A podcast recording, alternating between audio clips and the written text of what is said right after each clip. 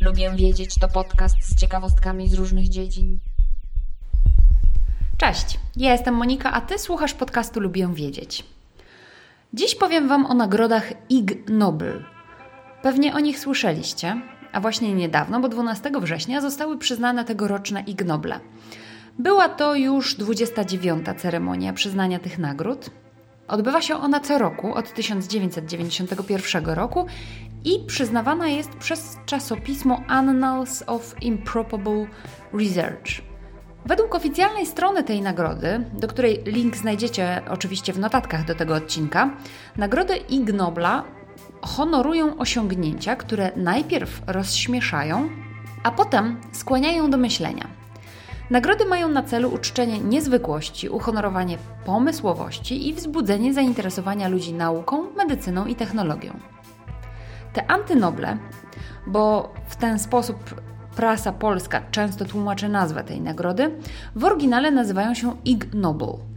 A jest to taka gra słów, bo Nagroda Nobla, Nobel znaczy również po angielsku szlachetny, a z kolei Ig Nobel pisane razem, bo nagroda Ig Nobel jest pisana oddzielnie Ig, spacja, Nobel, a słowo Ig Nobel oznacza niecny po prostu. Więc to jest taka trochę gra słów, gra z nazwą Nobla, z nazwiskiem Nobla e, oraz właśnie ze słowem szlachetny po angielsku Nobel. Co roku we wrześniu, podczas uroczystej gali w Harvard Saunders Theatre, mm, ta gala została przeniesiona z sali na uniwersytecie, na uniwersytecie MIT, więc co roku laureaci Nagrody Nobla tej prawdziwej Nagrody Nobla wręczają fizyczne nagrody zdobywcom Nagrody Ig Nobla. Sama impreza jest właściwie bardzo sympatyczna, przynajmniej z opisów wydaje się być taka sympatyczna, w dosyć zabawowej i takiej przyjacielskiej atmosferze prowadzona. Na przykład zbyt długie przemowy są przerywane przez postać zwaną Miss Sweetie Pooh, która z widowni krzyczy głośno: Proszę przestać, to strasznie nudne. I w ogóle mm, naukowcy, którzy odbierają Nagrodę Nobla, mają przyznane tylko 60 sekund na podziękowania. I z tego, co doczytałam, to podobno dwa dni później mają mm, szansę na to, żeby więcej powiedzieć troszeczkę o swoim badaniu. E, mają przydzieloną całą salę taką konferencyjną. Projektor mogą trochę opowiedzieć właśnie o tym swoim badaniu, co miało na celu i tak dalej, i tak. I z tego co wiem, to te wykłady cieszą się sporym zainteresowaniem studentów, ale prawdopodobnie nie tylko studentów, w ogóle sporym zainteresowaniem. No i co tam jeszcze na tej gali ceremonii się dzieje? Mm, na przykład z widowni są często rzucane takie papierowe samolociki na scenę. To jest podobno tradycja już. W ten sposób tak się troszeczkę cofamy do lat szkolnych e, i ławek w szkole. Całą uroczystość z kolei kończą słowa: Jeśli nie wygrałeś nagrody, a szczególnie jeśli wygrałeś, to więcej szczęścia w przyszłym roku. Każdy z nas, okazuje się, może nominować kogoś do tej nagrody tak zwanego antynobla. Informacje na ten temat, jak to zrobić, znajdziecie na oficjalnej stronie tej nagrody.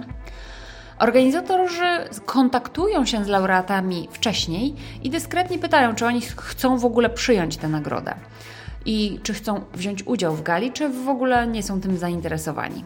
I tak naprawdę większość naukowców, do których organizatorzy docierają, mm, z reguły odmawia, więc oferta jest wycofywana dyskretnie, organizatorzy zgłaszają się do kolejnych naukowców ze swojej listy. I ci, którzy mają dystans do siebie, nagrodę przyjmują, biorą udział w gali i dobrze się bawią prawdopodobnie.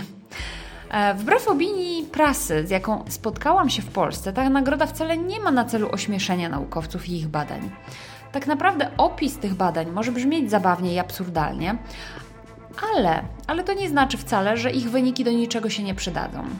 Cała nauka właściwie polega na tym, że, że naukowcy próbują ciągle, testują, weryfikują swoją wiedzę, którą do tej pory osiągnęli, wykonują badania, bez przerwy próbują różnych podejść, więc to jest naturalne, normalne i różnego rodzaju badania mogą się kiedyś w przyszłości do czegoś niesamowitego przydać. Dla przykładu tych absurdalnych na pierwszy rzut oka badań powiem Wam, że w tym roku polscy naukowcy Agnieszka Górecka, Aleksandra Urbanek i Tomasz Paterek znaleźli się wśród laureatów w dziedzinie biologii. Laureatów oczywiście Nagrody Ig Nobla. Wraz z badaczami z Australii, Bułgarii, Chin, Singapuru i USA dowiedli, że martwe karaluchy amerykańskie mają inne właściwości magnetyczne niż żywe, co może wskazywać na znaczenie pola magnetycznego w życiu owadów. I na uroczystości pojawił się właśnie przedstawiciel polskiego zespołu badaczy Tomasz Paterek. Portal Nauka w Polsce przypomina innych polskich laureatów tej nagrody oraz inne polskie akcenty na ceremonii. Posłuchajcie, w 2001 roku Ig Nobla w dziedzinie ekonomii zdobył dr Wojciech Kopczuk za pracę na temat związków daty śmierci z podatkiem od spadków. Wnioskiem z badań było to, że ludzie starają się umierać wtedy, gdy przyniesie to korzyść finansową spadkobiercom. No akurat też bym się tak starała pewnie umrzeć. Z kolei w 2009 roku nagrodę z literatury przyznano Policji Irlandzkiej. Tak, tak, Policji Irlandzkiej. Za mandaty drogowe wypisywane recydywiście o nazwisku prawo jazdy.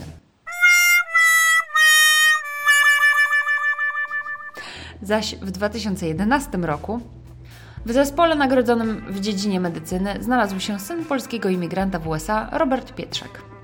Za co to już nie doczytałam. Na portalu Nauka w Polsce dowiedziałam się też o innych tegorocznych nagrodach, właściwie laureatach e, nagrody Ig Nobla. Na przykład tegoroczny Nobel z fizyki trafił do międzynarodowego zespołu, który wyjaśnił, jak i dlaczego australijskie wombaty robią kupę w kształcie sześcianu. Otóż naukowcy, no tak jak powiedziałam, międzynarodowego zespołu, zbadali specyficzną budowę jelita wombatów i ustalili, że aby oznaczyć teren, torbacze te układają z odchodów stosy. A stosy te po prostu dzięki sześciannemu kształtowi tego budulca zwanego kupą trzymają się po prostu lepiej, są bardziej stabilne. Z kolei w dziedzinie edukacji medycznej nagrodę Ig Nobla 2019 otrzymali Karen Prior, Teresa McKeon oraz dr Martin Levi. Wykazali, że proces uczenia można usprawnić, wykorzystując podczas nauki prostych czynności ortopedycznych kliker stosowany w tresurze psów. Jest to takie niewielkie urządzenie z przyciskiem, które emituje taki charakterystyczny, krótki dźwięk. Takie kliknięcie dla psa to sygnał, że zrobił coś, czego oczekiwał jego pan i że dostanie smakołyk. A z kolei w przypadku chirurga nowego chirurga, uczącego się chirurga, znaczy coś takiego dobry stażysta, dobry i prowadzi do wykonania procedur z większą precyzją, bez napięć towarzyszących zwykle relacjom uczeń-mistrz. Akurat jakkolwiek by to śmiesznie nie brzmiało, to jednak jest to coś, co wydaje mi się przydatne, bo to akurat fajnie, że można zwiększyć efektywność uczenia się w taki prosty i nieskomplikowany, niedrogi sposób. Jeżeli chodzi o anatomicznego Ig Nobla mm, otrzymali Francuzi. Na czytanie ich nazwisk nie będę się silić. Oni z kolei mierzyli temperaturę moszny francuskich listonoszy w ubraniu i bez. Szczególnie intrygująca jest wyższa temperatura lewego jądra podczas pomiarów w ubraniu. Bardzo intrygujące, możliwe, że do, do czegoś się przyda kiedyś.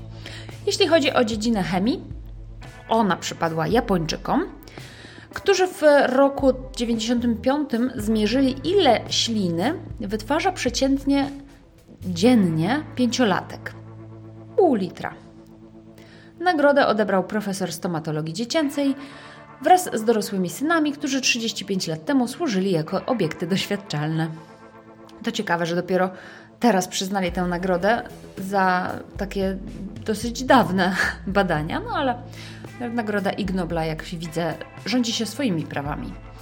Jeśli chodzi o inżynierię, to w tej dziedzinie otrzymał nagrodę Irańczyk, który został doceniony za uzyskanie w ubiegłym roku amerykańskiego patentu na podobną do zmywarki maszynę do przewijania i mycia niemowląt. Dzięki tej maszynie można uniknąć dotykania dziecka i zmniejszyć użycie wody. No więc to jest jak najbardziej ekonomiczne, ekologiczne bardzo dobre rozwiązanie, naprawdę. No, już sama chętnie bym, gdybym miała dzieci, to sama chętnie bym korzystała z takiej zmywarki do dzieciaka.